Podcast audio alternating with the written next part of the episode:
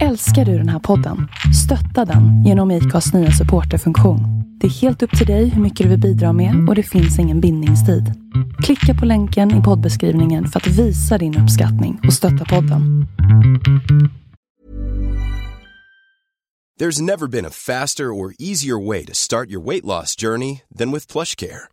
PlushCare accepts most insurance plans and gives you online access to board-certified physicians who can prescribe FDA-approved weight loss medications like Wigovi and Zepbound for those who qualify.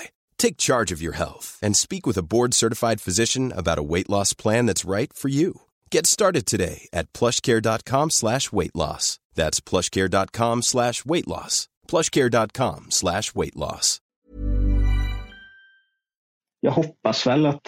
Den sidan utav drifting som, som en annan gillar kan eh, fortsätta öka, att fler hittar den. Att man inte måste gå tävlingslinjen heller utan man kan, man kan leva drifting också. What is the source?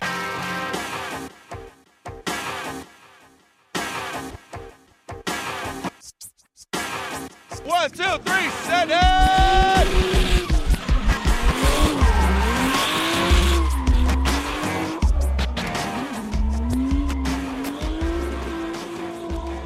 Välkommen tillbaka till Driftpodden och avsnitt 32. Idag är vi tillbaka i svenska igen efter det förra engelska avsnittet. Och eh, innan vi går över till dagens gäst så skulle jag vilja be er om en sak.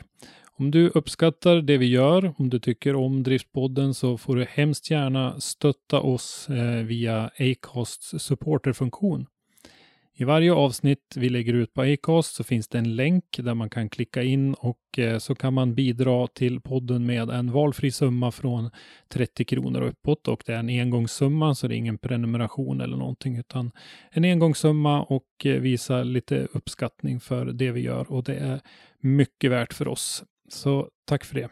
Dagens gäst är en person som många av er säkert eh, känner till och som många av er har haft att göra med säkert också. Han har suttit i Svenska Bilsportförbundets driftingutskott under många år. Han har haft hand om tekniska frågor där. Han har varit bedömare och han är även yrkesverksam inom branschen. Dagens gäst är Alexander Kvist och eh, vi önskar er mycket nöje.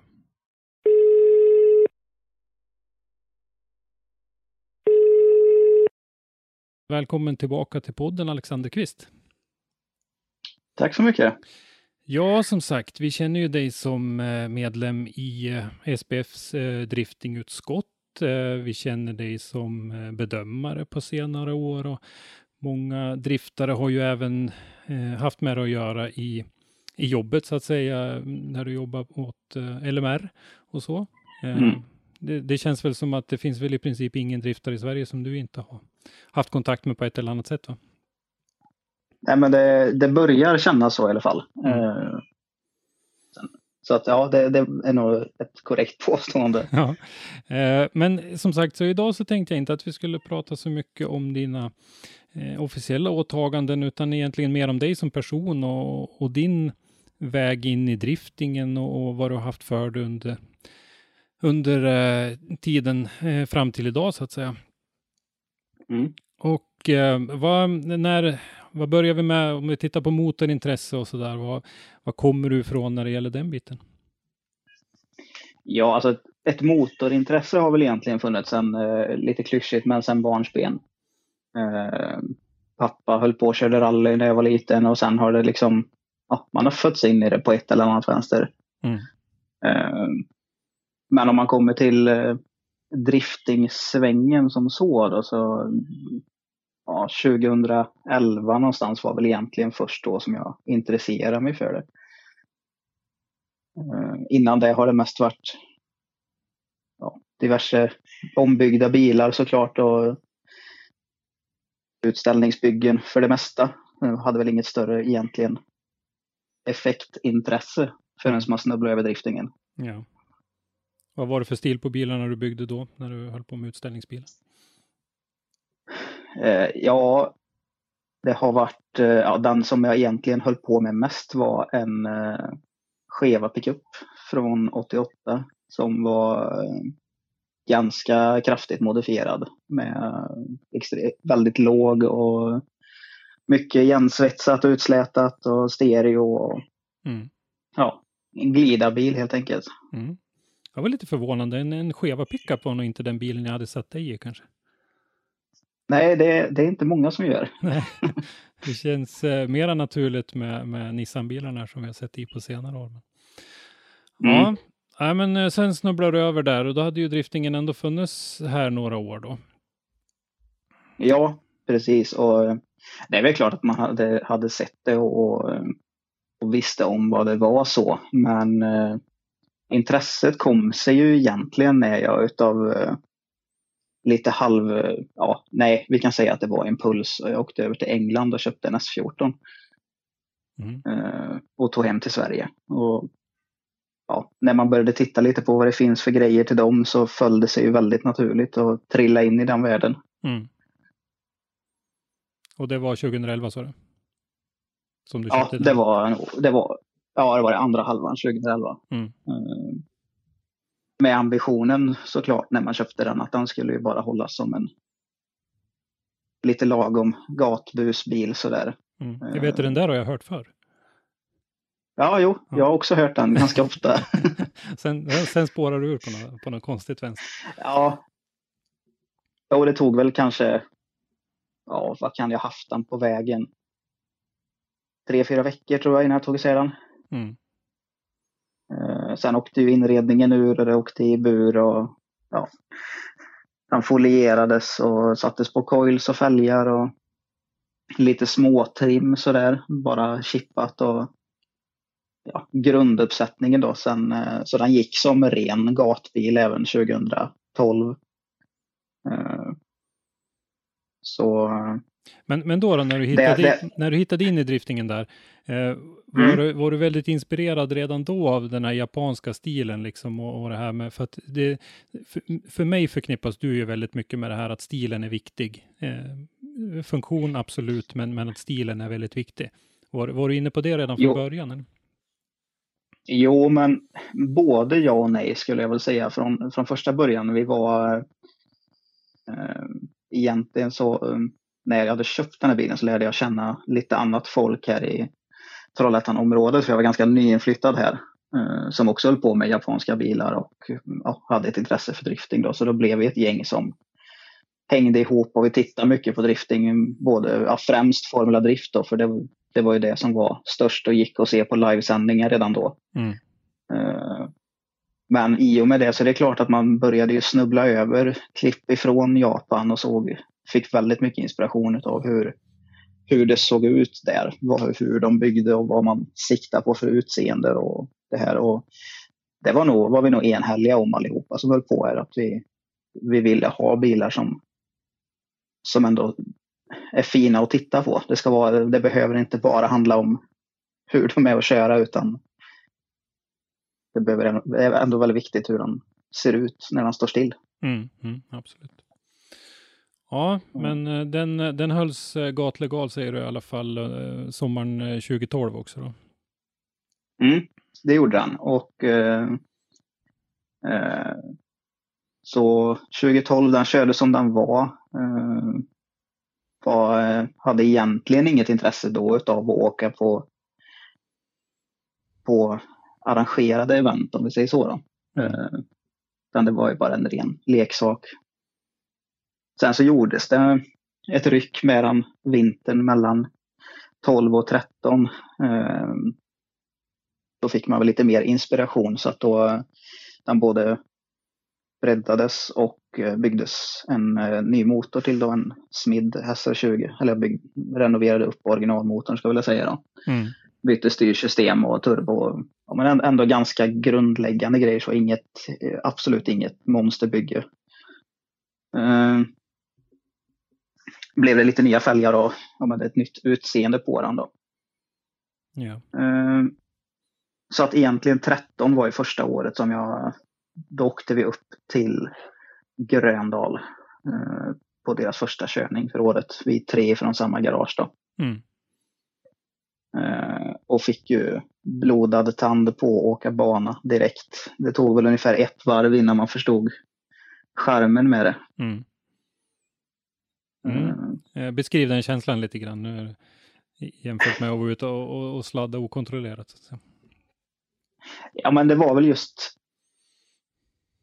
Ja, jag vet inte riktigt hur man, hur man ska beskriva känslan annat än passion, tror jag. Mm. Det, är nog, det, det, är nog det mest målande ordet för det. Eh, känslan av att bara kunna få göra någonting och ha riktigt kul. Det, det var det var nog första liksom, spontana känslan utav det. Mm. Ni var tre från samma garage säger du. Hur, hur reagerade kompisarna? Var det liknande? liknande ja, jo men absolut. Mm. Det var det. Eh, det var första, nu ska vi se om inte jag säger fel, men jag tror att det var första riktiga banåkningen för oss allihopa. Och, äh, men vi, vi var nog väldigt överens om att det var absolut, absolut värt det att gå den vägen. Mm. Uh, och redan tidigt så började vi ju liksom vi var väl väldigt tidiga med att försöka åka tight twin och ja, vi åkte ju ihop med varandra istället för mot varandra. Ja. Uh, så att det satte väl sina spår redan då. Mm. Framförallt mersmaken på det. Mm, mm, absolut. Ja, hur, eh, hur kom ni vidare sen då? Kändes det som att ni skulle försöka hinna med att köra så många event som möjligt då under sommaren eller hur, hur tänkte ni där? Ja, eh, det, det, ville vi ju göra. Eh, sen så är det ju alltid, redan då upptäcker man ju att, att ekonomin styr men, men mm. eh, vi, vi, vi var väldigt måna om att se till att ha råd att köra snarare än att ha de värsta grejerna. Mm. Jag, tror, jag, tror, inte vi, jag tror ingen av oss åkte på helt nya däck någon gång utan man plockade däck, däckhögar och fick av eh, vänner och bekanta. Och, ja, man åkte på det man kom över. Uh, lite mm. effekt, hållbara grejer så att mm. man kunde åka upp en helg och veta att man kan åka två dagars körning utan att man riskerar så mycket. Mm. Vad tror du att en uh, smidda SR20 lämnade då ungefär då i, i effekt? Eh, på, ja, den gav no, som absolut mest 350 hästar det året kanske. Mm. Uh, ja, men det är väl ganska rimligt inte... och, som sagt med hållbarheten och det och få, få möjlighet att köra så, så mycket som det bara går. Ja, absolut. Det, och det var väldigt, väldigt basic bil i övrigt. Det var ju inte, det var ju inga styrvinkelkit eller sådana här grejer, inga ställbara stag, utan det var bara coilovers och omsvetsade spindlar så enkelt det bara gick att få det. Mm. Eh, just för att ha råd att köra desto mer istället. Mm. Det, det ångrar jag absolut inte idag. Mm. Det var nog bland de bättre besluten, att man inte spårade ur redan då. Ja, nej, men det kan jag absolut hålla med om. Det, det tror jag är, är den rätta vägen. Mm. Mm. Och eh, vad, vad, vad, gick ni vidare med senare? Då? Ja, så det året så körde vi väl egentligen, vi försökte köra ihop så mycket som möjligt. På, vi var uppe på Gröndalen fyra gånger kanske och sen så var vi på Anderstorp och körde i slutet på året när eh, DAT hade sitt första event där. Okej, okay. Day at the Track. Eh, ja, precis, för de som kommer ihåg det. Mm. Eh, jag har för mig att det var eh, avslutet på det året. För jag minns att bakdelen inte var sig lik efter det. Okej. Okay. Eh, han fick nog smaka både mur och andra bilar. Mm. Uh, Anderstorp är ju en bana som det inte körs så mycket på nu. Uh, hur, hur, vad, vad, tycker du om, om att köra på den? Det, är, det, är det en bra driftingbana? För om man nu ska säga friåkningsevent så, så skulle jag absolut säga att det är en, att det är en bra bana. Så den är ju relativt lång, det är stora mjuka kurvor, den är förhållandevis lättkörd bana så. Den är, den är enkel bara att åka på och skoj. Mm. Eh, även, även om det är en ganska snabb bana, det kräver ju att man antingen har effekten eller, eller vågar. Men som tävlingsbana, om man ska titta på den sidan, så är jag inte, jag är inte riktigt lika övertygad om att den är lämplig för det. Det är lite för långt mellan kurvorna på banan. Mm. Yeah. Ja, fått smaka lite mur och lite andra bilar säger du. Var, då var det väl kanske dags att parkera i garaget igen då? Ja, eh, ja jag vet att vi hann med en vända på Mantorp också det året. Så att eh, det går att åka Mantorp med 350 hästar också. Mm. Eh, nej, så att efter det så parkerades den. Eh, kapades av och byttes bakdel på. Bytte skärmar och bakstam och fräschade upp den. Eh, nu ska vi se vad som hände den vintern. Jo, sen så var det då startade ju eh, Långe Mikael Andersson, LMR, startade ju DAT-serien till det året sen, följande år då. Mm. Så att då eh, fick man ju en liten feeling på att ja, men man kanske skulle prova och prova att tävla och se hur det går ungefär. Så att då byggdes ju bilen om desto mer. Då åkte det ju i riktig fullbur och eh, diverse annat, höll jag på att säga, som krävdes för tävlandet då. Ja, det var inga tävlingar alls, det var bara track days liksom eh, säsongen före. Det. Ja, precis. Mm. precis. Så att eh, då byggdes den ju efter, efter det reglementet som var för, för den serien. Eh, behöll SR20 gjorde jag, men uppade effekten på den lite till strax under 500 kanske. Ja. Eh, så eh, Ja, så, så att följande säsong då var ju siktet fullt inställt på att köra en serie helt plötsligt. Mm. Och då är vi på 2014? Ja, precis. Det stämmer. Uh, nej, så att eh, den säsongen inleddes med Sturup tror jag det var vi var på först då. Uh, ja, det stämmer. Vi var på Sturup första tävlingen. Kommer inte riktigt ihåg när på året men men eh, helt plötsligt så stod man där och slogs om eh, tredjeplatsen mot David Skogsby. Kommer jag ihåg. Okay. Eh, och det var ju då, då blev, vart man ju lite chockad själv när det var ens livs första tävling och man ändå står där och tävlar mot folk man ändå har sett tävla och sett upp till. Mm. Och David var väl framgångsrik redan då? Oh ja, absolut. Uh, nej, så att sen rullade väl den säsongen lite grann på. Det gick uh, oförskämt bra, ska man väl säga. Hur många deltävlingar var det i den Day at Track-serien då? Fyra hade vi på den. Mm. Så det var Sturup, nu ska vi se vilka banor det var så inte jag säger fel, men jag tror det var Sturup, Gröndal, Ljungbyhed och sen avslutade vi på Mantorp ihop med, ihop med höstgatebil där. Ja. Mm. ja uh, lite liknande upplägg som, som SM. Det var, fanns det inte två serier? Var det inte det året det fanns jo. två serier? Mm. Jo, men precis. Det fanns ju DAT-serien och sen fanns det ju uh, uh, SM-serien då som då hette, nu ska vi se, hette den Swedish Powerlift Series då. Just det, det stämmer nog. Det tror jag stämmer i alla fall. Mm. Så att det var lite delat, det var lite delat läger eh, kan man ju säga mm. inom tävlings-Sverige. Men det var en, en extremt lärorik säsong. Slutade på en total fjärde plats den säsongen. Mm. Inte eh, alls efter... fy skam? Nej, absolut inte. Uh, I och med att vi hade uh, en del riktigt duktiga danskar med och mycket, som sagt, duktiga svenskar med också så att man, man vågade sträcka på ryggen lite efter säsongen. Mm. Ja, nej, men det är ju ett fantastiskt bra resultat och just lyckas i en tävling, det, det kan man ju faktiskt med, med viss skicklighet och, och, en hel del tur så kan man ju faktiskt eh, klara sig rätt bra i, i, en tävling. Men sett över en säsong mm. på fyra deltävlingar så, så klarar du ju inte på det utan då, då behöver du ju visa lite, eh, lite kontinuitet och, och, och sådär. Ja, men precis.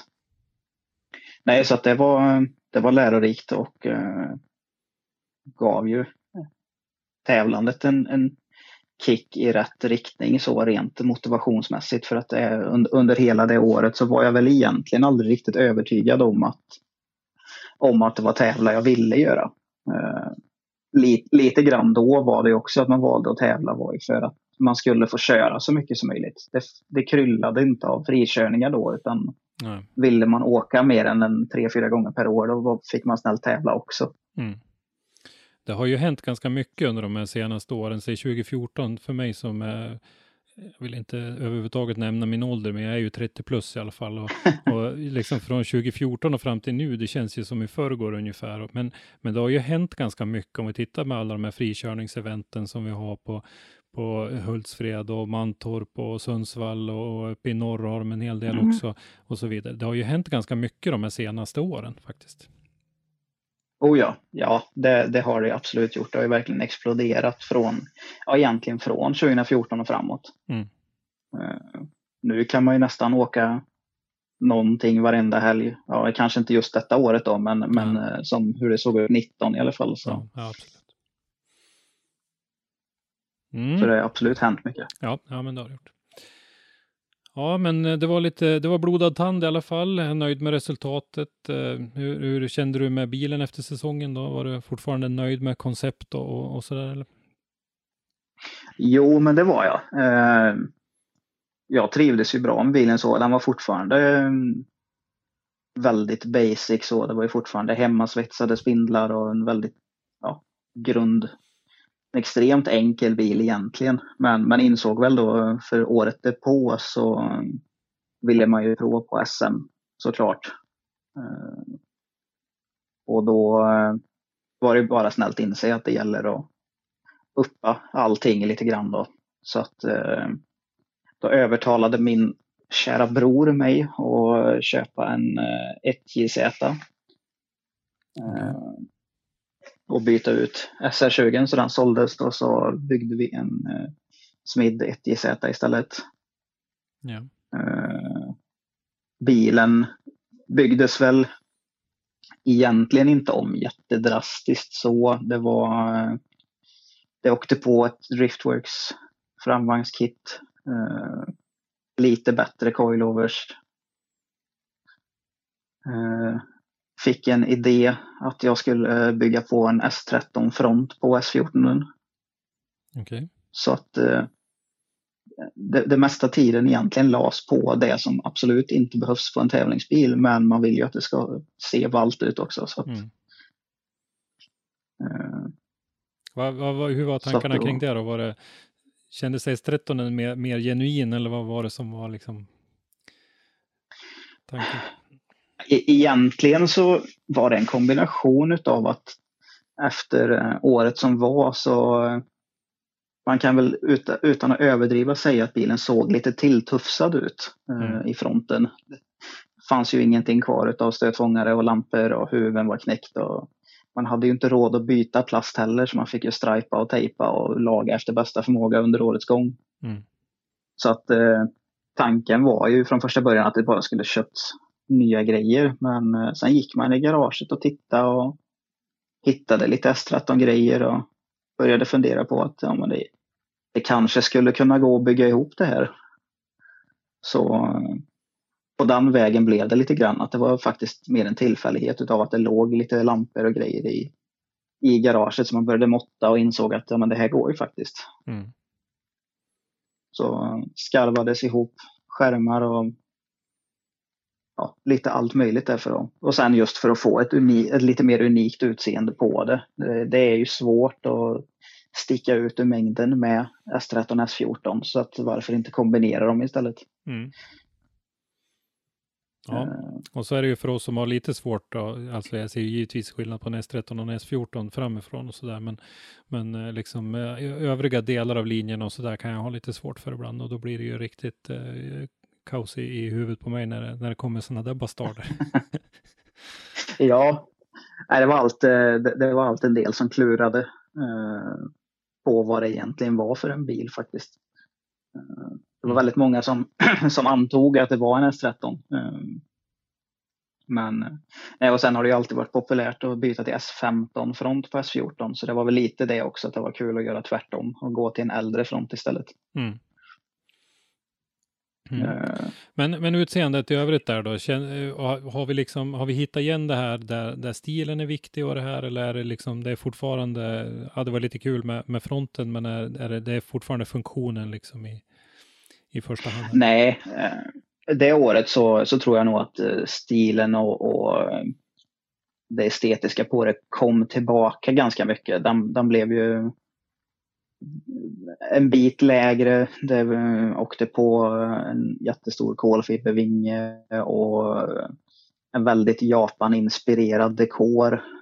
Eh, väldigt mycket Japan-inspirerat i placering på stickers och ja men den, i mina ögon så andades den Japan-tävlingsbil snarare än Europa-tävlingsbil. Mm.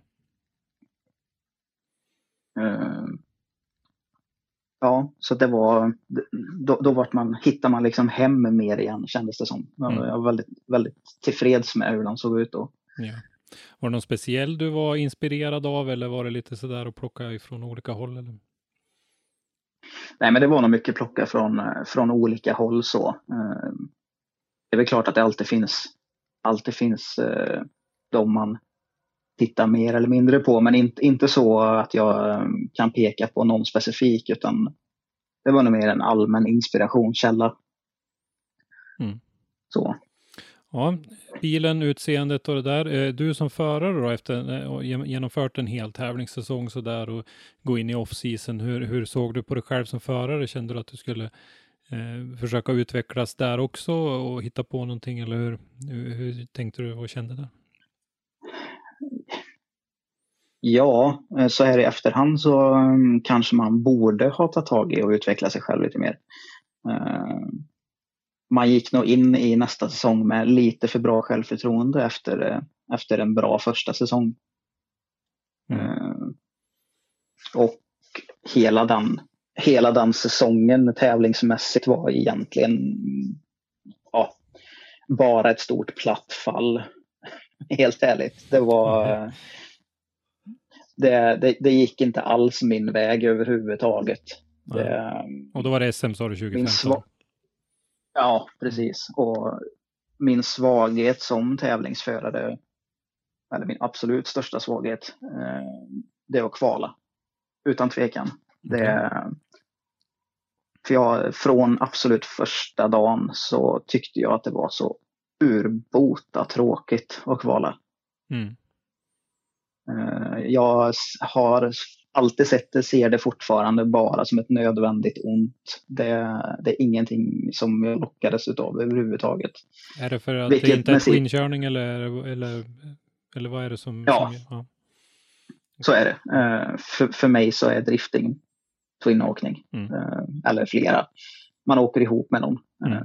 Så att jag har alltid haft svårt att tagga till när det kommer till kval. Mm. Vilket har gjort att att man alltid har halkat ganska långt ner i kvalresultat. Mm. Eh, under DAT-säsongen då, som jag höll på att säga, flika in bara att alla tävlingar, alla, alla de fyra tävlingarna som var så kvalade jag in på sista kvalplats för att få köra Twin. Okay.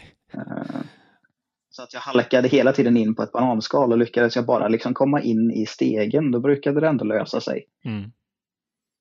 Um, och jag hade väl lite den mentaliteten när jag gick in i SM-säsongen också, att äsch, bara jag kvalar in så löser det sig. Mm. Uh, men jag tror att på tre tävlingar så tror jag att jag halkade en plats nedanför hela tiden. Okay.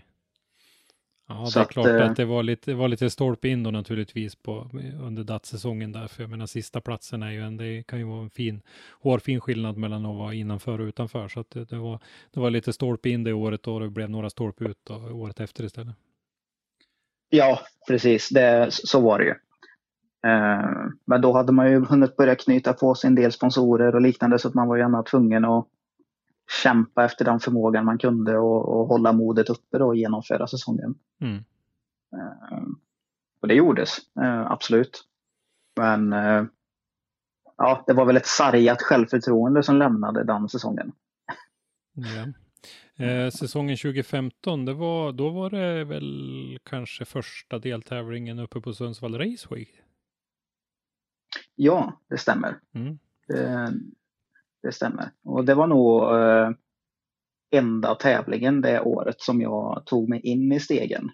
Eh, och det var, jag mötte Pavel Korpelinski redan i första betten. Okay. Eh, och åkte ut. Ja, det, är, att, det är ett ganska tufft motstånd och var väl redan på den tiden. Det var det absolut. Han var vass redan då. Eh, det var han verkligen. Det var, men eh, jag varit, eh, hade aldrig varit uppe på Sundsvall och kört innan och tyckte det var en fruktansvärt rolig bana. Den, den satte sig, den passade mig och min, min körstil väldigt bra. Mm. Men var det inte det året som det var, vi ska inte hänga upp oss för länge vid den tävlingen, men var det inte då man körde en tävling i SM ena dagen och Northern Drift Series dagen därpå och det ösregnade på en av de där tävlingarna? Men det var, det, det var inte jo. SM eller? Nej, utan det var Northern Drift Series som körde, körde dagen efter. Ja, okay, så ni hade, de ni hade, hade torra förhållanden i alla fall? Ja, de hade inte lika tur på det faktiskt. Mm. Nej, och det var... Det året var även samma år som vi eh, bjöd över eh, Kelsey Rollings från Formula Drift för att hon lånade min bil och körde Drift Allstars på Gröndal det året.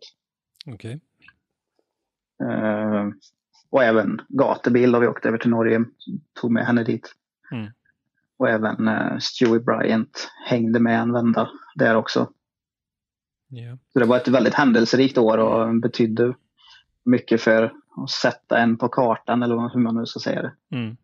Eh, när du säger vi, i vilken egenskap var det då som, som du bjöd hit eh, Kelsey Rollings? Det var ju eh, eh främst genom LMR då som eh, är och alltid har varit huvudsponsor. Mm. Eh, vi hade, hade ju även ett team ihop, eh, LMR Drift Alliance, jag, eh, Christian Erlandsson och Viktor Mårtensson. Okay. Så vi körde under samma flagg där ett par år. Mm. Var 14 och 15. Ja. Det här är ju innan eh, mitt inträde i den här sporten så att jag har från 16 och framåt har jag lite koll men, men åren in dessförinnan är mm. mest mm. det man har kunnat läst sig till så att säga. Ja, ja precis. Mm. Ja, men det men var väl det också var ett, eh, spännande förstår jag att få träffa en, en, en, en stjärna på det sättet och få kanske höra lite grann om bilen ja, också från en, en rutinerad förare. Ja, men det var det. Det var, det var nog lärorikt tror jag för eh, Eh, både, både för mig själv och även, även för, för Kelsey då, få komma över och köra något annat också och se lite hur vi hade det här och hur vi körde och använde grejerna. Mm. Så att eh, Nej, det var, ett, det var, absolut ett bra år så, inte tävlingsmässigt men, eh, men i övrigt. Mm. Men, men du genomförde hela tävlingssäsongen, du körde alla deltävlingarna i alla fall. Uh, hur, hur slutade mm. det? Eh, jag tror att jag slutade på en kanske 14 eller 15 plats eller något sånt där i serien. Mm. Och vi var inte jättemånga som körde det året. Jag tror att vi kanske var 20-22 bilar eller något sånt där. Mm. Jag, är lite, jag är lite osäker på hur många det var då. Det, det ska jag låta vara osagt. Men, men det, var, det var inget bra år i alla fall. Nej. Ja, och efter en, efter en riktigt lyckad säsong och en uh, lite mindre lyckad, hur, hur är skillnaden när man går in i off-season då? I, både när det gäller satsningen och, och laddet i garaget så att säga och även, även allmänt hur, hur man känner inför, inför sporten? Liksom. Ja, eh, man gick väl in i off-season med, självklart med besvikelse. Eh, så är det ju. Eh, men ändå någonstans, vill, man vill ju inte riktigt erkänna heller att det hänger på en själv. Mm. Så att eh, det, det blev ju att bygga en helt ny bil istället från, från scratch då. Yeah. Så jag sålde av bilen jag hade. Jag behöll motor och, växellåda men, eh, men sålde av allting annat. Och byggde en, en ny S14 då. eh, över den vintern. Med betydligt värre grejer i vad det gäller fram och bakvagn. Köpte eh, Partshop Max-grejer runt om. Eh, coilovers, länkarmar, spindlar, ja, allt man kunde byta egentligen. Mm. Då byggdes den ju för, för att vara en fullfjädrad Pro-Int-bil. Eh, Så effekten ökades och det byttes styrsystem och ja, egentligen bytte koncept ganska drastiskt på bilen. Mm. Men det var fortfarande plåt Nej. fram och bak på den och sådär eller, eller började du med Nej, då kom- Ja, då blev det, då blev det bärtspars. Den kapades av både fram och bak och plastskärmar och bärtspar. Så Ja. ja, då, den, den byggdes ju för att, för att fungera som en Pro-Int-bil, att man bara kan byta ut allt när det behövs. Då. Mm, mm.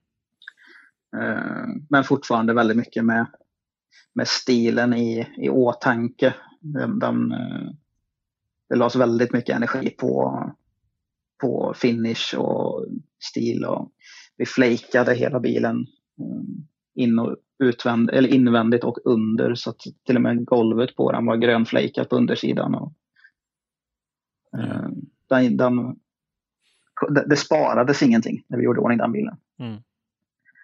Eh, För att man vill ju inte erkänna som sagt att det är en själv det är fel på utan det måste ju vara grejerna det är fel på. Så att, eh, ja, det är nog lätt till kanske. ja, det är nog så. Så att, eh, nej, så att man tänkte väl att man skulle försöka ett SM-år till för att bevisa för sig själv att, att man ändå kunde lite grann. Mm. Så med ändå ny energi och uppladdat självförtroende så var det premiär på Mantorp Park det året. Alltså eh, 16 då är vi Mm. inne på. Ja. Måste det bli. Mm. Ja, det blir det. Korrekt. Eh, nej, så att eh, ja, då var det väldigt mycket självförtroende i grejerna. Eh, kom väl, ja vad hann jag köra? Tre och ett halvt varv tror jag på träningen och sen eh, tömde jag hela innehållet av motordelar på en 1JZ över hela Paris i kurvan. Okej. Eh, Många delar och stort område. ja, det var, det var, det var inte mycket som höll kan vi säga. Nej. Det, det vart eh, friskt hål i blocket. Så jag vet att det sprack åt, eh, det vart hål i ena motorn och tre hål både höger, vänster och neråt. Ja. Eh, så att där såg man väl lite, lite hela säsongen rinna ut i sanden lite grann. Ja. Så man hade ju egentligen bränt he- hela, både byggbudgeten och egentligen hela körbudgeten också på, på att bygga bilen. Mm. Eh, Det fanns ju inte med på världskartan att det där kunde hända. Eh, Så att eh, Men, men fram till dess så hade du egentligen inte haft några maskinella haverier heller direkt. Ingenting. Eh, Före det så har jag egentligen aldrig kört sönder någonting i tävlingssammanhang som har gjort att jag inte har, eh, in- inget maskinellt så. Eh, Mm. Alltid klarat mig från, från större fadäser annat än lite avåkningar och liknande. Då, men då handlar det mer om att man kanske får byta något stag eller sådär då. Men, eh, men ingenting som inte har gjort att jag har kunnat fortsätta köra. Mm. Ja, men då, Så det då var- blev det med besked istället. Ja, det blev rejält. Och vi hade alltid, vi teamet och kompisarna som hjälpte till, var alltid, de skämtade alltid om och sa det, att mina grejer alltid höll när det gällde, men aldrig annars. Och det fick jag ju sota för. Mm. Så det var med besked den eh, tog livet av sig. Mm. Eh, Och då, då blev det ingenting mer eh, den säsongen eller? Ja, jag fick ju...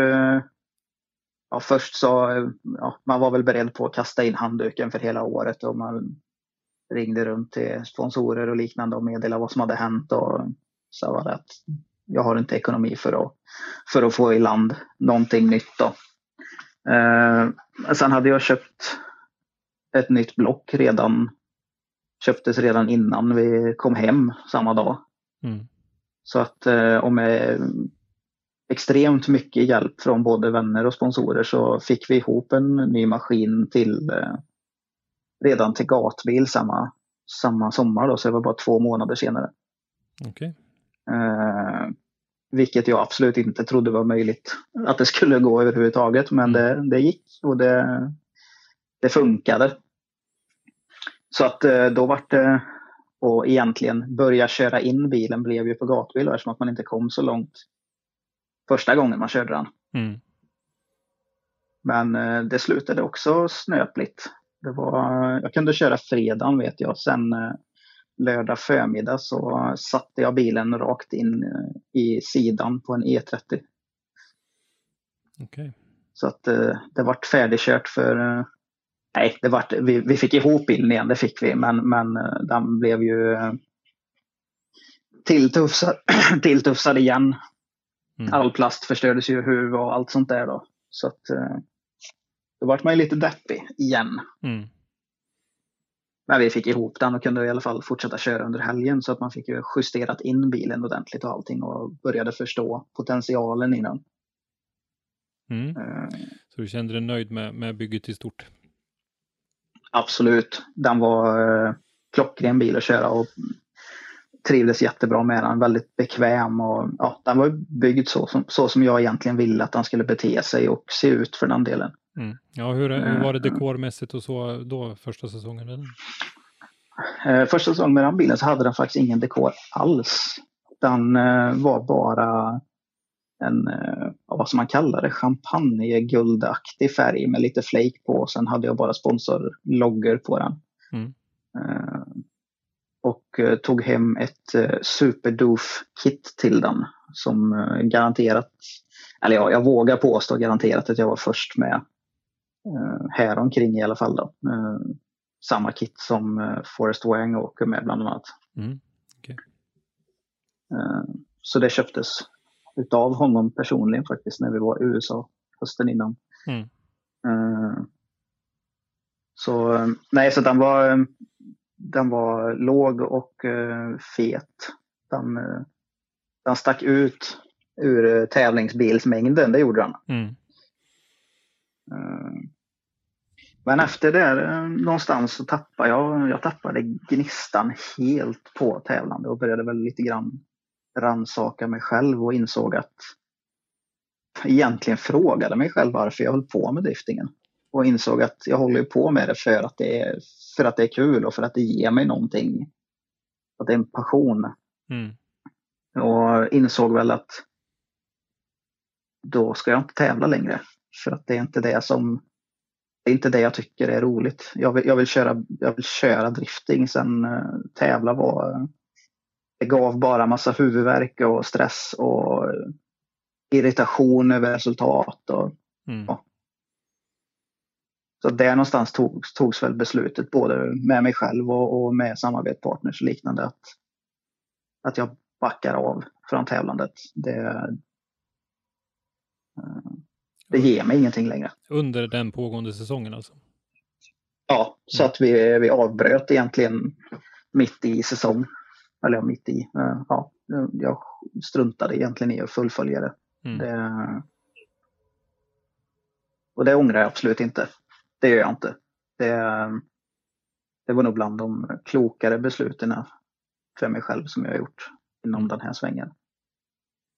Mm. Eh, Ja, eh, garagepolarna pratade du lite grann om i början där. Eh, hur, hur är deras roll i det här? Har de varit med någonting under vägen eller? Ja, de, eh, de har varit med fram till och med den säsongen.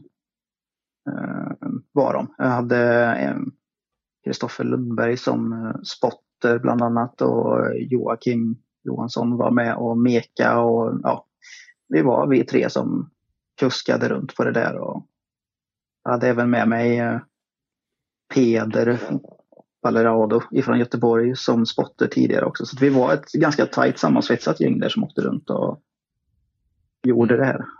Peders namn känner vi ju igen lite grann. Han har ju varit speaker för SM-serien bland annat eh, Mm. vid något år här. Mm. Mm. Nej men så att eh, Nej men det är någonstans så, så eh, dog väl hela lusten till att hålla på med, med just tävlingsgrejerna. Och sen, jag har ju aldrig någonsin egentligen varit en tävlingsmänniska som så. Det, jag har alltid haft jag har, jag har gjort tävlingsdriftingen för att jag tycker att det är kul, inte för att jag tycker att det är kul att tävla. Mm. Mm. Så att, eh, ja, men du sa ju det innan också, att det, liksom, det, var, det, det, var det som fanns att köra var ju mest tävlingar, så att det var lite den, den vägen in i det. Ja. Då kanske det var lite, eh, lite otur inom citattecken i sammanhanget att det gick så bra första säsongen. Ja, men precis. Så, så är det ju. Så är det absolut. Uh, och, och det var ju egentligen i den svängen där som jag verkligen började uh, rota mig i utskottsarbete och ja, SPF-biten då. Mm. Var det där Så någonstans då, ni, ni, kom med 2016 där i, i, i utskottet? Ja, vi gick väl in i det. Ja, vi gick egentligen in i det. Nu ska vi se. Ja, det måste varit vintern mellan 15 och 16 som det som vi började med det, den konstellationen. Mm. Men eh, ja, så att då blev det väl att då hade man lite grann en ursäkt för att dra sig ur tävlandet också. Mm, ja, absolut.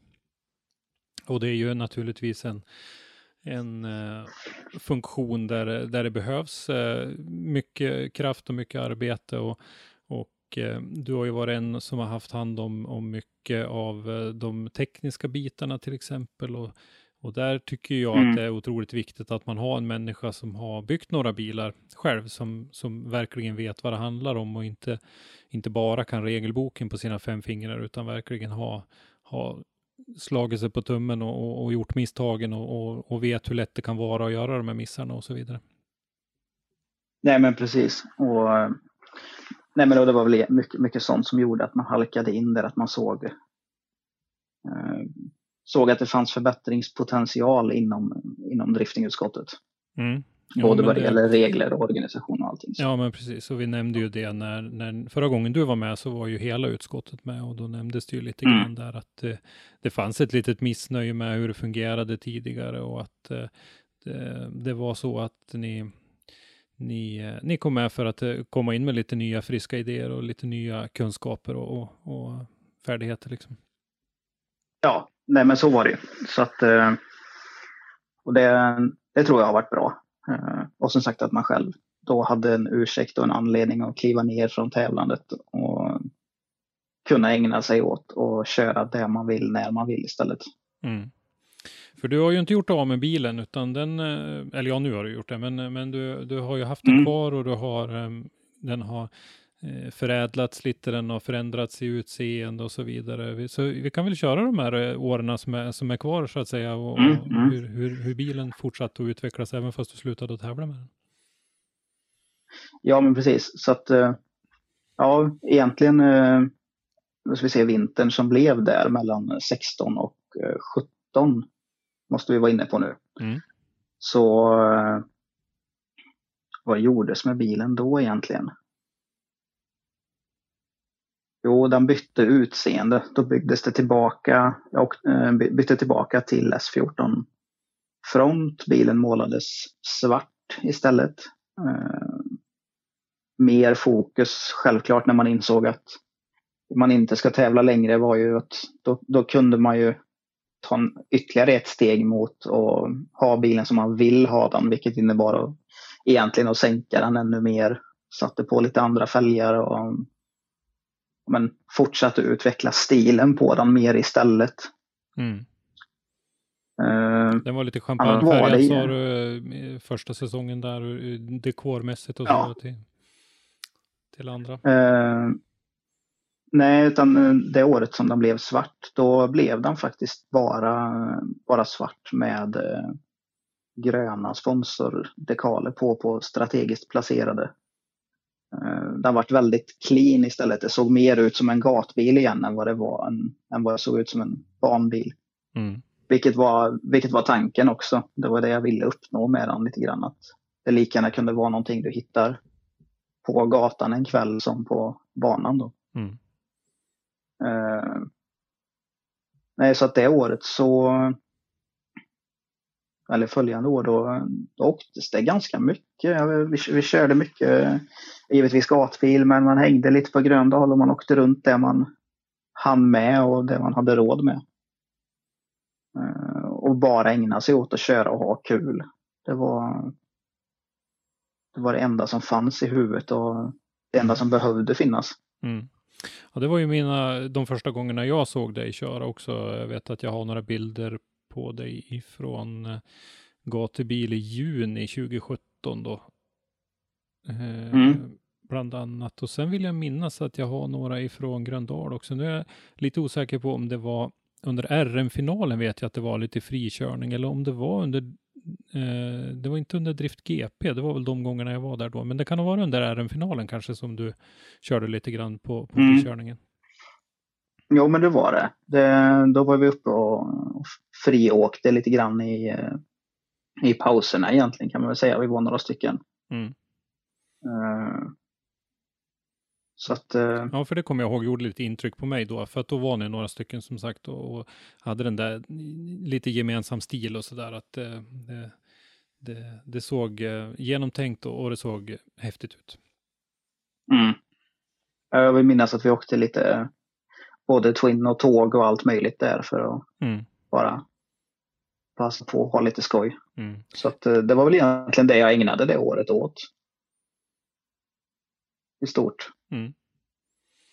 Ja, och eh, det var ju det för övrigt tyckte jag var ett riktigt roligt event. Vi, vi gjorde en, en, eh, en bra livesändning ifrån det kommer jag ihåg och jag tyckte det var en, en rolig RM-final och, och, det var, och det var även bra klass på, på eh, frikörningen till stor del och så där. För att det var en väldigt härlig mm. känsla och, och go i, i, på hela Gröndalområdet då, det året, eller just det, vid det eventet. Oh ja, ja det, det, det, var det absolut och det är, som, det är nog ett event som jag kommer ha med mig länge. Det var en, var en riktigt skön atmosfär överlag. Det var det var, det var ett, ett rikt, riktigt, riktigt bra event. Mm. Det var ju det året som eh, RM slog ju igenom eh, ordentligt det året och eh, sen så var mm. det ju det året också som SM kördes ihop med Gatubil Drift Series. Och, mm. Ja, precis, det stämmer. Det, det här var ju en, en, en renodlad final för RM-åkarna. Det var väldigt jämnt, det var väldigt bra, det var heroiska insatser i depån och det var gud vet allt. Och sen när det var dags för finalen i SM istället som gick på Mantorp Park bara veckan efter eller något vill jag minnas så, mm, mm. så var det så otroligt struligt att hålla reda på. Även för oss som stod där med tabeller i hand och veta svenskar, norrmän, vem ligger först av svenskarna och vem, vem är först av svenskarna som är med i SM och vem är inte med i SM och, och så där. Det var ja. otroligt struligt. Eh, liksom eh, avgörande av den serien medans RM-serien då smakade ju choklad i munnen efteråt, liksom att det var, hade ju varit toppen-event. Liksom. Oh ja, absolut. Det, det håller jag med dig helt om. Det var... Eh, RM-finalen kommer nog fler komma ihåg än SM-finalen det året i alla mm. fall. Och, och, det är ingen kritik egentligen emot att vi körde tillsammans med Gatubil Drift Series. Jag tror nog att det fanns vissa fördelar i det. Men det fanns även vissa utmaningar med det och det, jag tyckte det blev extremt tydligt då för till exempel Rickard Ivars eh, var ju, är ju uppenbarligen svensk då, men han var ju inte med i SM och var ju en sån där som, som strulade mm. till det lite grann när vi skulle försöka hålla, hålla ordning på allting och så där på, på SM-finalen. Mm. Så nej, det var en, eh, en, en delad avslutning på den säsongen så att säga.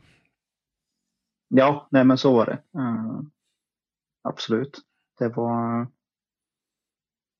Ja, nej men det är som du säger, det finns nog både för och nackdelar med att köra på det sättet som gjordes där. Men då har man testat det mm. lite grann. Ja, absolut. Ja, men då, en, en, eh, då, då kan jag väl tänka mig att du hade en, en skön känsla i kroppen i alla fall efter att ha fått eh, runt och, och myst runt lite grann som du ville den säsongen. Ja, nej men det hade jag absolut. Eh, och kände väl lite grann att jag hade verkligen hittat min plats i driftingen så. Alltså att eh, jag hade hittat vad jag ville hålla på med. Jag hade satt min stil på, på min bil och min körning. Jag var, jag var väldigt, man hade hittat hem lite grann. Mm. Var väl egentligen känslan efter det året. Hade du eh, börjat och känt på någonting med, med bedömningen då? Eller? Ja, det hade jag gjort det året. Jo, det hade jag. Jag hade varit och bedömt en tävling då fick egentligen eh, lite grann rycka in lite hastigt och lustigt kan man väl säga. Uh, uppe i Sundsvall var första gången jag bedömde. Okay.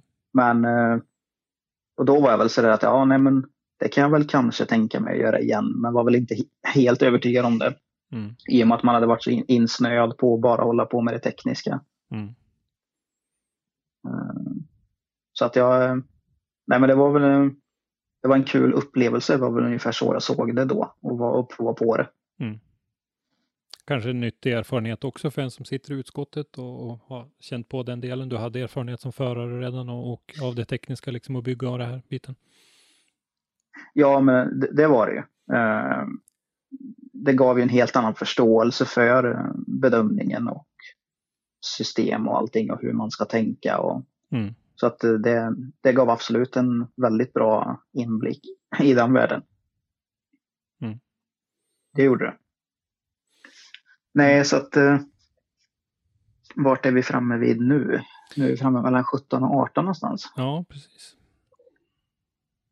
Så att då... När var det du började elda hade, bilar då? Jo, jag, jag satt precis och konstaterade att det var ju för 17 2018. Det var sista eventet det året, höstgatubil. 2018? Det året. 2018 ja. Mm. Så eh, ja, nu var vi, nu var vi i säsongen eh, slutet på 17 och gick in i 18. Eh, det var inte där i slutet på 17 du eldade upp någonting utan det var, det var senare. Jo, det, för jag mig det var två det var gånger, jag. var det inte två år på raken där på slutet på, på säsongen? Jo, men eh, jag får säga att mitt, eh, nu sviker mitt minne lite grann på när det var eh, jag eldade upp bilen. Eller eldade upp, det lät väl väl drastiskt, ja, men det var det väl grillade med bilen. Ja, eh, slutet på 2018 vill jag absolut minnas att det var i alla fall, men, men jag har ja jag har något minne av att det hände någon, någon liknande grej innan också. Eh, nej, det var, det var slutet 2017 som jag tände eld på den. Det var 17. Mm, det var det. Ja, jag var tvungen att ta upp lite, lite minne här, men, men det var det. Så det var, fick en ganska kraftig motorbrand eh, på det hösteventet där. Och eh, Otroligt egentligen att, egentligen att, att någonting kunde brinna då, för jag vill minnas att det var ganska fuktigt. Ja, men jag tror att jag lyckades faktiskt tända eld på den eh, enda stunden den helgen som det var uppehåll. Ja, ja det känns så. det, var, det, det, det, det kändes så i alla fall. Mm. Uh, så att det var... Eh, där förstördes ju egentligen allting ifrån torpedväggen och framåt. Uh, det varit en ganska kraftig, kraftig brand. Så att eh, det räddade ju den följande vintern kan man säga. Mm. Men det var alltså inte bara kablage och de bitarna utan det var mycket andra delar också som, som tog allvarlig skada? Ja, eh, själva motorn i sig överlevde ju men, eh, men det hade ju tagit allting som, som egentligen kunde, kunde brinna. Kåpor, slangar, kavlar, jag vet att till och med kamremmen hade brunnit av och ja, det var det tog egentligen, egentligen allting som kunde brinna. Då. Huv och mm. sånt strök med. Uh, så att uh, den vintern, jag hade ju egentligen, vill jag, vill jag minnas, tänkt att jag inte skulle gjort någonting alls med bilen den vintern eftersom att jag var så pass nöjd med den. Mm. Uh, så det löste sig ju. Ja, det är, det är en livsfarlig tanke för det brukar alltid ha en förmåga att lösa sig. Mm. Och det gjorde det. Så att eh, det blev ju till att ja, mer eller mindre helrenovera bilen höll jag på att säga. Men eh, då åkte ju allting ur och byggdes om i motorrummet igen och då byggde, vet jag att jag byggde tillbaka så att jag hade innerskärmar och liknande igen och byggde ett riktigt motorrum av det igen. Mm. När, eh, när man ändå insåg att jag inte ska tävla mer så behöver man inte ha riktigt alla fördelar utav att det ska vara lättskruvat. Nej, absolut. Eh, exteriört då, det var, du, du byggde tillbaka till det kittet som var och så där i, så att säga, i formmässigt? Ja, det, det blev det. Eh, det gjordes egentligen inga, inga större förändringar så exteriört i form av plast och, och form, utan eh, det fokuserades mer på att snygga till motrummet. Det byggdes ett nytt grenrör. För de som vet bilen nu så, så vet de att det blev ett väldigt annorlunda grenrör. Uh, mycket flake, mycket polerat, ja, allting. Jag kunde lägga en hel vinter på egentligen göra ett riktigt schysst motorrum. Mm. Uh, och sen så det år, eller följande år då, så åkte det på en livery på bilen. Mm. För första gången då på ett par, tre år. Just det. Ja, den, den minns vi och den var ju helt tydligt Japan-inspirerad. Mm. Nej, och då, det, det, blev väl också ett naturligt steg i det och gå ännu mer Japan-inspirerat då så att det blev en uh, Itasha livery på den som Squared gjorde. Mm. Uh, Riktigt stiligt tycker jag. Den var riktigt snygg. Och ja. Jag, vet att vi, vi fotograferade, Björn Billsten uh, fotograferade bilen på Skara-tävlingen tror jag du hade den va? Så att den stod eh. i, LMR hade väl något, ja. så att den stod där i Jo men det stämmer. Ja, vi, vi gjorde någon ljusmålning och sådär. Jag assisterade Björn lite, lite lätt sådär. Mm. Jag, vet, det var, nej, det var, jag tyckte det var en, en riktigt fin bild. Då. Mm. Nej men då var eh, ja, den, den, den, blev, det var pricken över i på den bilen lite grann. Eh, med den dekoren och, och likadant fälgar och sånt där som kom på där. Mm. Ashes fälgar och splitthjul och ja, man, man, kunde liksom ta hela stilgrejen mm, flera kliv extra. Mm. Så att den, äh, då stack den verkligen ut ur mängden helt plötsligt. Äh, utan att jag egentligen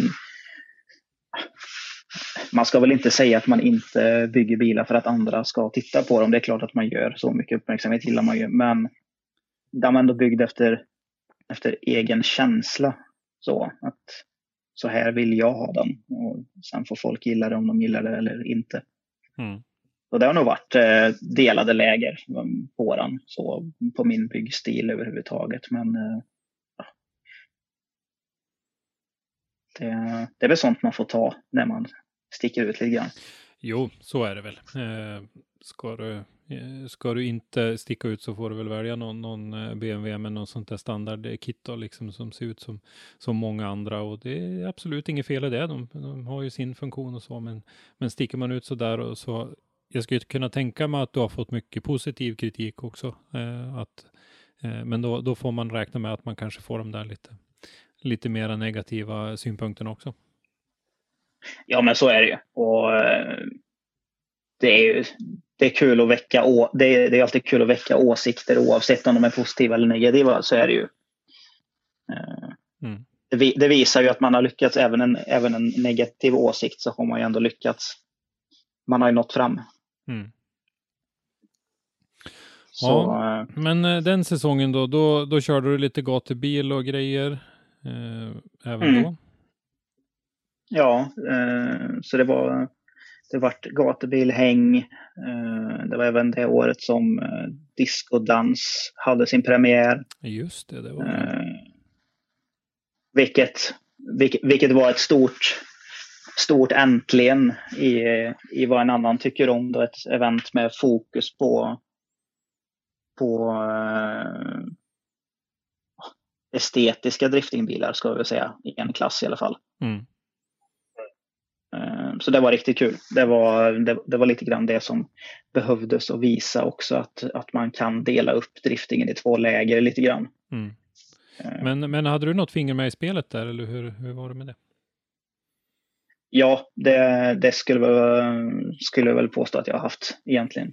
Eh, mm. Det var ju Långe Mikael, Jim Olofsson, jag och områdes Johan som egentligen drog igång discodansgrejen så att eh, jag har hållit i och, och eh, valt ut bilar till eh, Stans klassen då om man säger så. Mm. De två åren som det har gått. Och, så att det har, det har absolut blivit ett jättelyckat koncept tycker jag. Mm. Någonting som behövdes. Mm, ja, absolut.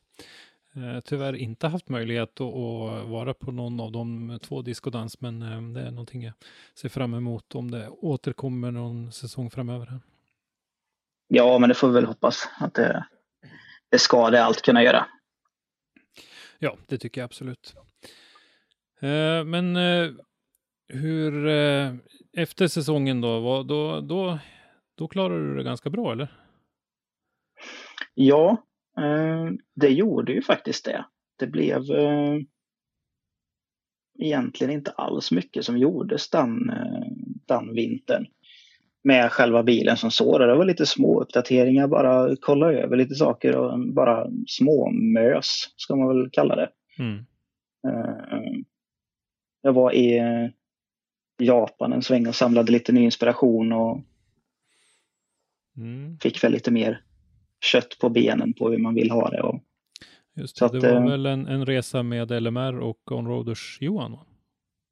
mm, det stämmer bra. Vi var där och eh, träffade lite underleverantörer, Workwheels bland annat och var på Tokyo Auto Saloon och hängde runt. Mm. Så det var eh, en upplevelse minst sagt. Mm. Hade du varit i Japan tidigare? Nej, det var premiären. Det Mm. var det. Och hade inte tvekat en sekund på att åka tillbaka. Eh, med, liksom med återkopplingen det här med, med liksom stilen Japan och allt det här. Hur, hur kändes det att vara på plats? Var det, eh, kändes det stort liksom? Eller? Ja, nej men det gjorde det. Eh, det gjorde det absolut. Särskilt när man gick på, på Saloon och, och kunde liksom se, men se driftingbilarna där i verkligheten så och ändå känna att, att ja, men det, här, det, det, är vad, det är vad jag vill ha. Så, det är vad, vad jag gillar. Och, och det gav ju en, en bekräftelse lite grann på att man själv hade, hade valt den vägen och gjort det på rätt sätt. Mm. Mm. Ja, härligt att, att, att få den möjligheten. Ja, Den eh, finns väl eh, åtminstone delvis i, i videoformat vill jag minnas eh, att eh, Onroaders Johan gjorde något. Eh, Mm. Youtube, eh, eh, det finns några delar va? Ja, jag tror det finns två, två delar ute i alla fall. Eh, sen så finns det- ska ju finnas en del tre, men den har inte riktigt kommit än, Johan. Nej, ska vi skicka den passningen till Johan kanske? Ja, jo, men det, det tycker jag allt att han kan, eh, han kan fixa ihop del tre. Ja, så, men, eh, men det blev inte så, så mycket gjort liksom. Det var lite små uppdateringar och, och sådär och inför säsongen 2019 då. Nej, men det var det. Det var eh, som sagt, det var mest små pill och lite förfining på lite detaljer sådär. Ja, men, in, inget drastiskt alls. Eh, För, att- var det för att det inte, inte behövdes eller känner du att, eh, för jag antar att eh, utskottsarbete och alla de här bitarna måste ju ta en del av din tid också. Du har ju familj och har eh, småttingar nu och sådär. Hur, hur, hur känner du att du har fått välja väg där och lägga lite mindre tid på bilen eller, eller hur, hur, hur klarar du den Jo, balansen? men så, nej, men så, så var det. Det var ju lite ett medvetet val att inte göra så mycket den vintern just för att man skulle kunna ta igen tid med familj och man skulle ha tid med utskottsarbete och eh, rodda så som ja, men allt med, med STC och allting. Och det, det, det tar sin tid så det var skönt att bara lägga bilbyggandet på is en vinter lite grann. Mm. Det var eh, väldigt välbehövt. Så Ja. att, eh, Ja, men det kan jag förstå. Men eh, sen då säsongen 2019 så, så eh, körde du lite grann då också. mm, det vart inte jättemycket det året men eh, utav diverse anledningar så eh, hade väl ingen, ingen supermotivation så till att köra. Det var, jag körde några gatbil och, och discodans. Det var ungefär det jag åkte det året. Mm. Eh, jag var ganska tillfreds med att mest hänga runt på eventerna så. Och man hade med sig bilen, man körde lite när man kände för det och ja. Åkte lite grann i alla fall. Mm. Så att, eh, Och det var ju det året började väl, började, Ja. ja. Nej, men då började väl lite grann känna att man kände sig eh, färdig med bilen. Om man nu kan säga att man är det någon gång. Men, men det var... Ja, jag, jag visste inte riktigt vad jag skulle fortsätta göra med den. Mm. Ja, och det var ju också 2019 som du eh, tog en, en eh, rejäl satsning på det här med bedömningen. Mm. För Ja, men det var det. För då var du ju med både i, i SDC, eh, samtliga deltävlingar Mm. där och sen var du väl med i flertalet av eh, Gatubil Drift Series deltävlingarna också. Mm. Där eh, hann jag med alla fyra också.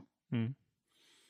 Så att eh, det vart, eh, det vart ett intensivt år. Eh, och det var väl lite bidragande till att man inte hann, hann köra så mycket också då givetvis. Man fick ju väldigt mer smak där på, på bedömningen och försökte väl göra det så mycket jag bara kunde. Mm. Och hittade väl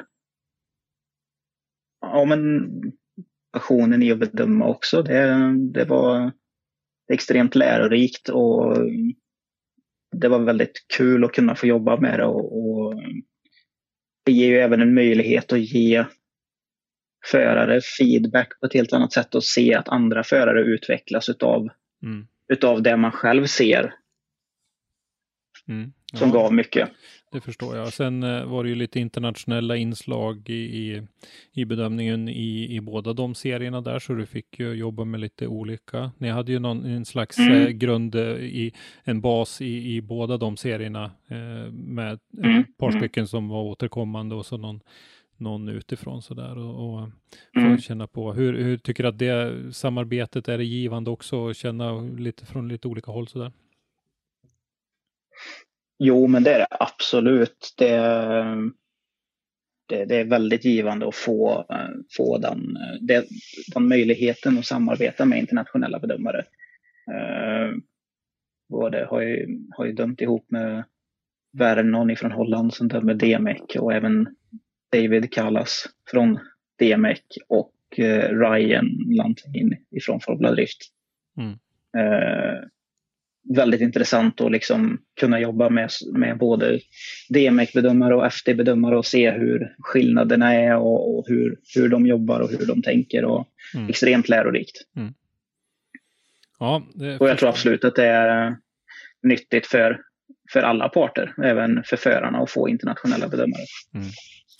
Absolut. Jag vet att vi har pratat lite grann om det här tidigare och att eh, det är lite problem att få tag för dem. är- Det är ju ganska populära killar det där. Eh, de har ju en del eh, åtaganden runt om i världen, men att man eh, ska man inte satsa där så kanske man kan satsa på skiktet precis, för det där är ju yppersta världseliten får man ju ändå säga i, i driftingbedömare, att man kanske kan satsa på Oh ja. det finns ju en del framstående i irländska serien och det finns en del andra serier också så där så att man, man säkerställer att man kan fortsätta ha det här utbytet. För jag är helt överens med om att det är, är både viktigt och eh, utvecklande för, för alla. Ja, nej, men det är det. Och eh, framförallt så, så tror jag att det, det, det öppnar upp för, för andra att vilja bli bedömare när de ser att, eh, att det kommer internationella bedömare och intresserar sig för oss och liknande också. Mm. Mm.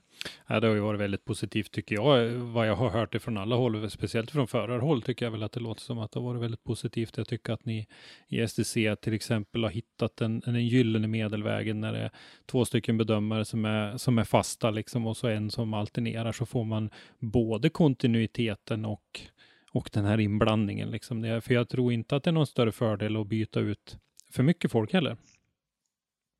Nej, nej men det, det är nog en åsikt jag absolut håller med om. Det, jag tror att det är, vik- det, är viktigt att alternera men, men man ska nog, som du säger, ha en stabil grund som alltid är densamma. Mm. Det tror jag är väldigt viktigt för tryggheten både hos bedömare och förare.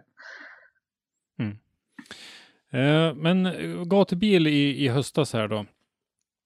Mm. alltså hösten 2019, då, då, då, kände du att nu hade du varit nöjd med bilen och sådär och det kändes skönt att inte behöva göra så mycket över vintern. Så då, så då tänkte du nu är det dags, eller? Ja, men lite grann så. Det var, jag, jag hade, hade haft ut den lite sådär på, på annons under året, under 19 och varit så att äh, kanske ska sälja den om någon vill köpa den och sådär. Men mm. sen släppte jag väl lite grann den tanken. Uh, det var ingen som riktigt, som riktigt nappade. Uh, så att uh, sista gatbil där så jag lånade ut bilen till, till Joakim Andersson en sväng. Mm. Så, han fick, så han fick prova den. Han var, väl inte, han var väl inte helt villig på en gång eh, som jag har förstått, utan du fick väl, fick väl nästan tjata lite på honom? Ja, jag, ja nej, men jag tjatade. Det, det gjorde jag. Uh, för jag, jag, jag, kunde, jag hade på känn att han uh, skulle gilla bilen som så. Och hade väl legat på honom lite att han behöver uppdatera sig för att komma vidare i sin körning. Mm. Uh, så att, eh, och då var jag så sa jag det att det är bättre han provar en bil så får han känna hur ett S-chassi känns att köra. I största allmänhet då. Ja. Eh, för att få en feeling på det. Jag tror jag väl att de flesta som lyssnar på det här vet vem Jocke är, men han eh, körde i alla fall en Mercedes 230 TE, en, en kombi. En ganska mm. stor bil med mycket hemmapulade lösningar. Jocke är en jätteduktig tekniker och sådär, men, men det, det har ju sina för och nackdelar att bygga mycket eget. Eh, man kan, man kan ju köra oh ja, fast lite det, grann. Det har det Så um, ja, eh, så då, då provkörde han din bil där på, på Mantorp. Mm. Så han provkörde den eh, och ja, han var väl inte, han, han eh, ville väl kanske inte riktigt erkänna för sig själv tror jag att han gillade bilen. Ska vi väl säga eh, han lät inte helt övertygad då. Sen så, eh, sen så tog det inte särskilt många veckor innan, när jag sålde bilen till honom. Mm.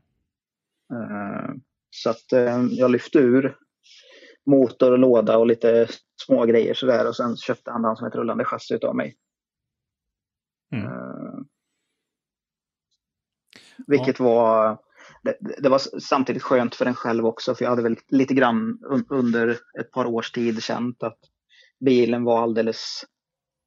Den, den var ju för mycket för vad jag använde bilen till. Mm. Åka runt och småmysa och leka med en fullfjädrad prointbil, det var liksom... Då är det bättre att någon annan får glädje av den och kan använda den på det sättet det är tänkt. Mm.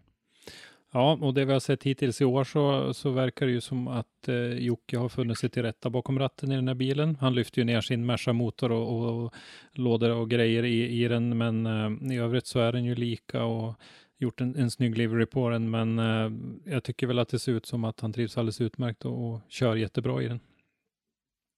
Mm. Ja, men det, det, det tycker jag absolut. Det, och vad jag har förstått på honom så är han väldigt nöjd med beslutet själv också. Så att, eh, mm. Det ska bli riktigt kul att se honom nu när säsongen till slut och kanske äntligen drar igång och se honom tävla med den. Mm. Ja, och i Driftmasters också med, med riktigt tufft eh, motstånd. Så det, ja. ska bli, ja, det ska bli jättekul att se. Eh, men eh, oh ja.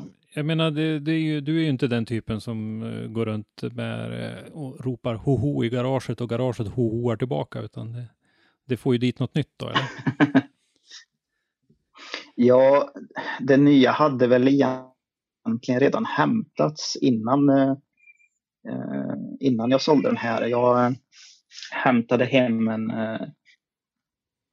milt uttryckt välanvänd S13-kaross på vägen hem ifrån, eh, ifrån Ljusdal det året.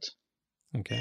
Eh, som jag snubblade över lite grann köpte, hämtade upp i Stockholm utav eh, Hampus Bayer för de som vet vem det är. Så eh, hämtade jag upp den karossen och tänkte att eh, den här måste ju kunna gå att rädda någon gång när jag får tid över.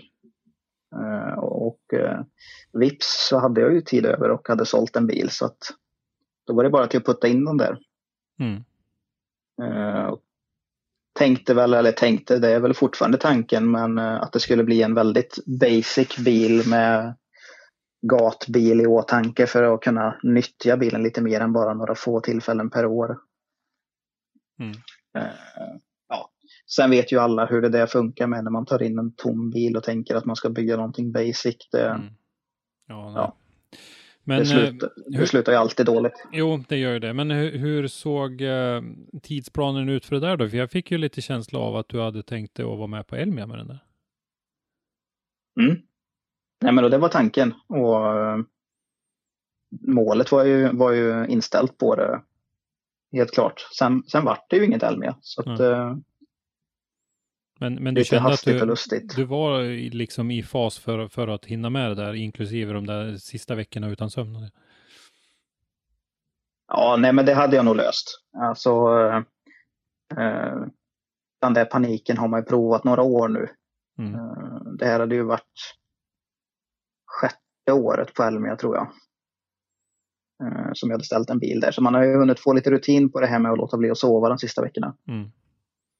Så att, eh, nej då, den hade nog hunnit bli klar. Det hade den absolut hunnit. Men i och med att, eh, i och med att Elmia och hela säsongen såg ut att barka åt det hållet den har gjort så valde jag väl att slå av på tempot istället och, och kunde omvärdera en del grejer i bilen. Och ja, lägga lite mer tid och energi på, på sånt jag inte hade gjort annars helt enkelt.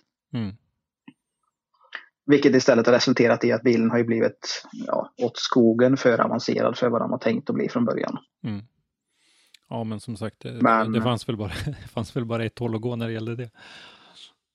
Ja, nej men så, så är det ju. Och nu har inte, det, var det, det var väl egentligen det jag såg fram emot mest nu. Det var ju att bygga en bil utan ett reglemente i åtanke.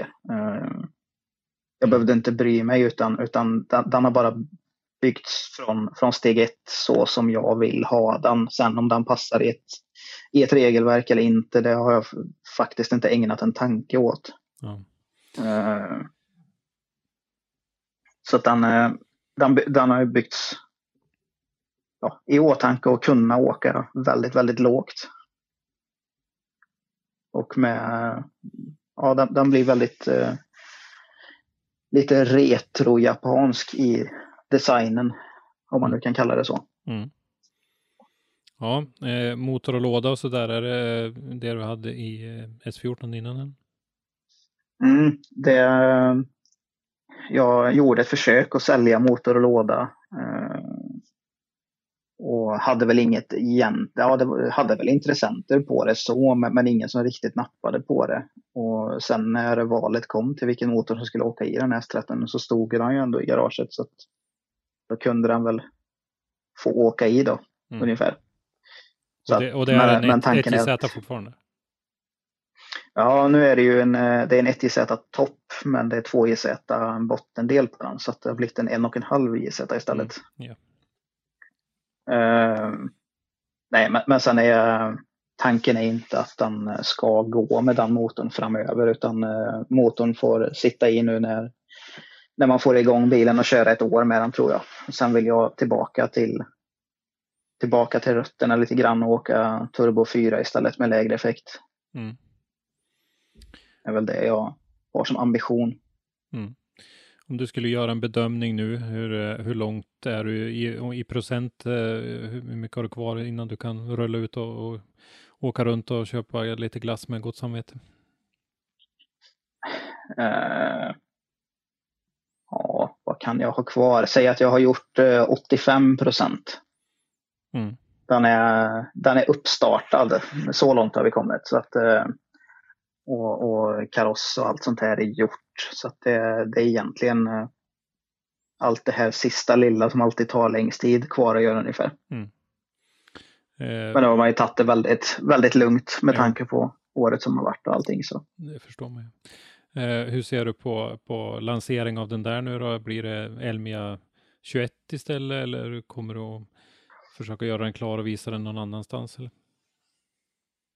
Nej, eh, har väl egentligen ingen riktig, ingen riktig tidsplan som så på den utan när den blir klar så kommer den komma ut.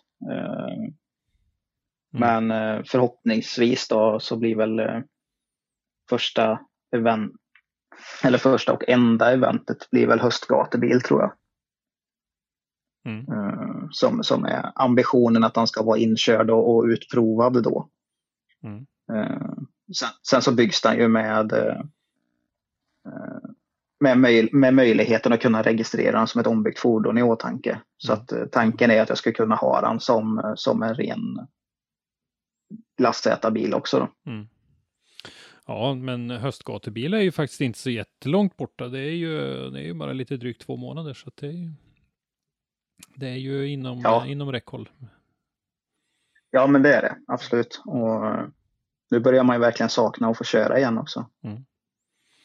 Ja, det kan jag förstå. Eh, som sagt, så du har ju mycket andra engagemang. Hur, eh, det har ju varit en, en lite turbulent tid. Eh, jag sa innan att vi inte skulle prata så mycket om det, men det känns ju ändå ganska naturligt att, eh, vi, att vi berör det lite grann. Eh, det har ju varit en turbulent tid. Det har varit mycket snack och till slut så blev det bestämt att STC eh, inte skulle bli av. Hur, hur känner du inför det? Mm. Eh, självklart är det ju tråkigt att det, att det inte blir av, så är det ju. Sen så, eh, jag är nog utav åsikten att det var rätt väg att gå och inte, inte genomföra en dålig säsong utan då är det bättre att låta alla pausa ett år. Mm. Jag tror att det, bara hade, det hade bara slutat med tävlingarna som så hade nog säkert, hade absolut blivit, blivit bra och bra nivå och allting på men, men det blir inte det blir inte riktigt rätt emot någon när det inte finns vare sig publik eller tillräckligt många förare och allting. Jag tror att det hade blivit lite mellanmjölk alltihop. Jo, men precis. Och jag, jag nämnde förut lite grann också det här med att, att vårda eh, varumärket också, att det, en, en dålig säsong så där kan skada det här varumärket STC för, för ganska lång tid framåt kanske. Ja, nej men det, det tror jag. Och, och, jag själv ser det ju som att vi ändå liksom är på rätt väg med att bygga upp ett varumärke kring driftingen, eller kring eh, ja, vad man kallar SM och RM-driftingen i Sverige. Då. Mm. Eh, Och då är det väldigt synd, väldigt synd att, rasera det på att provocera genom en säsong som det ändå nästan hade blivit. Mm. Så att, eh, Ja, nej, det, det som sagt så, det, det, var nog, det var tråkigt, men det var nog den rätta vägen att gå. Eh, Mm. Men eh, du har ju fått lite avlastning i, i utskottsarbetet i alla fall eh, på den tekniska sidan. mm. Mm. Där har ni ju tagit in har vi en- fått till. med Ja, Andreas Lundqvist är med eh, där och eh, tar, vi, vi delar väl på det men tanken är ju väl att, att det ska gå över mer och mer på, på hans axlar sen då och ta den tekniska biten. Mm. Eh, jag har väl känt att jag inte riktigt hinner med det utav både, både privata skäl och rent att man håller på så pass mycket som man har gjort med bedömningen och allting. Och det, man, man ja, har väl känt att det finns annat i livet än att svara på tekniska frågor. Mm. Lite grann. Men eh, absolut varit eh, både lärorikt och nyttigt att ha gjort det den tiden man har gjort. Mm. Så är det ju. Ja, men då, det är ju jättebra att det finns eh, nya krafter som tar vid då. Och eh, som sagt, eh, det här med bedömningen är någonting som du känner för och brinner för. Eh, tanken inför eh, den här säsongen var ju då att du och Daniel Hyvärinen skulle väl vara den där basen i, i bedömningen i STC. Ja, eh, vi, hade, vi hade ju egentligen allting spikat och klart. Där. Vi skulle ju även haft med Vernon från Holland då, på flertalet tävlingar också. Så att vi, vi hade varit en väldigt stabil Mm. bedömarbas den här säsongen. Så att det var ju lite synd att det har blivit som det har blivit när man äntligen kände att man var på, på spåren och att man själv kände sig mer både trygg, och bekväm i bedömningen. För det, det, det, tar, det tar några tävlingar innan man kommer dit. Jo, men det förstår jag. Det, det kan vara eh, fruktansvärt roligt att bedöma och det kan vara likadant så kan det vara extremt provocerande och jobbigt i vissa lägen när man får kritik och man måste lära sig hantera väldigt mycket. Mm. Mm. Jo, men det, det kan jag absolut förstå. Eh, internationella utbyten pratar vi om och då pratar vi om att plocka hit eh, bedömare. Jag vet ju att det förekommer lite grann att vi har skickat ut folk också. skulle du vara intresserad av att, att ta dig an uppdrag i andra länder? Ja, det hade jag absolut varit. Det, det ser jag själv bara som, en, som ett steg i, i eh, att utvecklas som det. Mm. som bedömare. Nu får, nu får norrmännen att, ursäkta att nu, jag ser ju Gatubil Drift Series till exempel, att du har varit bedömare i Norge ser jag inte riktigt som, som utomlands på det sättet, utan då menar jag i, i, i någon helt annan serie som inte har med oss att göra överhuvudtaget. Nej, men precis. Och um, jag hoppas väl absolut på att jag får möjligheten någon gång att, att göra det. det mm ser det som sagt som ett som rätt steg i att fortsätta utvecklas inom det. Och det är gärna någonting jag håller på med i den mån jag har tid och möjlighet. Så det, jag tycker utbytet, utbytet mellan bedömare och förare är, är givande och viktigt åt, åt alla håll, både för bedömare och för förarnas utveckling. Så att det, det är väldigt kul att hålla på med. Mm. Ja, det är det absolut. Och där har vi ju kommit framåt eh, lite grann de här senaste åren med, med lite sådana här spotterhjälp och grejer under träningspassen, under STC-tävlingar och lite sånt där som ju är jätteviktiga delar mm. i det där och, och förbättra den där kommunikationen. Jo, men så är det ju. Och eh, det är väl främst det man själv har sett under den tiden man har varit bedömare, att det är det som har, eh, som har ökat mest. Så är det ju att fler och fler faktiskt använder sina spotters och, och uh, vågar komma och ställa frågor och be om hjälp och allt det här. Och det är ju superviktigt för att kunna utvecklas. Mm. Ja, ja, men där tycker jag också att jag har sett en, en utveckling under de här åren som jag har, har Eh, intresserat mig lite grann att uh, det känns som bara på de här tre, fyra åren så var, har andelen flickvänner och kompisar uh, minskat i spottertornet och att det har blivit lite mer fokuserat att man, man, man ställer dit en person som står där för att han är att han är duktig. Det är inte som när man spelar fotboll när man var barn och det var den som ville stå fick stå för att det var ingen annan som ville, utan nu, nu, nej, nej, nej. nej, men det har blivit en, en, en renodling liksom mot uh, att spotterdelen är viktig och där behöver det stå en person som, som har de rätta egenskaperna för det. Ja, nej men precis. Det, det, det känns som att vi har börjat komma ikapp på den biten uh, lite grann. Mm. Så, och det är, kul, det är kul att se att det tas på allvar och att, uh, att folk nyttjar det på rätt sätt. För det, det är enormt givande. Mm. det vet man ju själv också från när man tävlade med att det jag har ju också kört tävlingar utan spotters och med spotters och man vet vilken skillnad det gör. Mm. Mm. Ja, men det kan jag tänka mig. Men eh, i och med det då så känner väl jag att vi, då är vi väl lite framme i nutid och, och har eh, klarat att ta oss igenom eh, den, den, större delen av, av driftingdelen av ditt liv liksom. Mm. Ja, men det känns väl lite så faktiskt. Mm. Känner du att du har någonting själv som du, som du vill tillägga som vi har missat av bara farten här? Eller? Nej, jag vet faktiskt inte riktigt. Det, mm. jag hoppas väl att, att, eh, om man ska säga, den sidan av drifting som, som en annan gillar kan eh, fortsätta öka, att fler hittar den. Eh, att man inte måste gå tävlingslinjen heller utan man kan, man kan leva drifting också. Mm. Ja, men där har väl event som eh, discodans till exempel en viktig funktion att fylla och eh, sprida ut det här och visa det här på, på bästa sätt liksom. Mm. Nej, men så är det ju.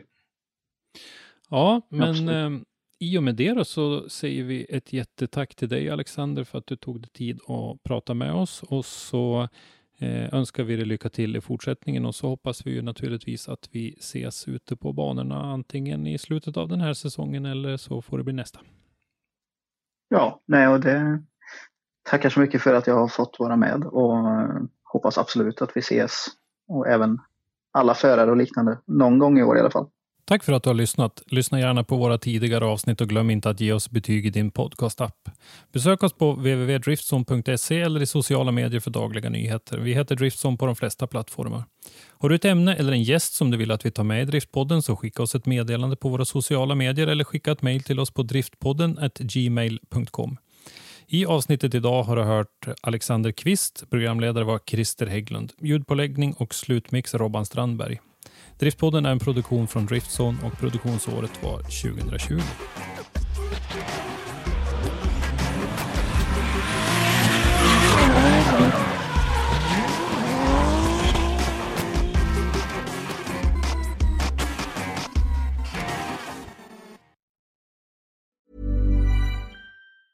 Mom deserves the best, and there's no better place to shop for Mother's Day than Whole Foods Market. They're your destination for unbeatable savings, from premium gifts to show-stopping flowers and irresistible desserts. Start by saving 33% with Prime on all body care and candles. Then get a 15-stem bunch of tulips for just $9.99 each with Prime. Round out Mom's menu with festive rosé, irresistible berry chantilly cake, and more special treats. Come celebrate Mother's Day at Whole Foods Market.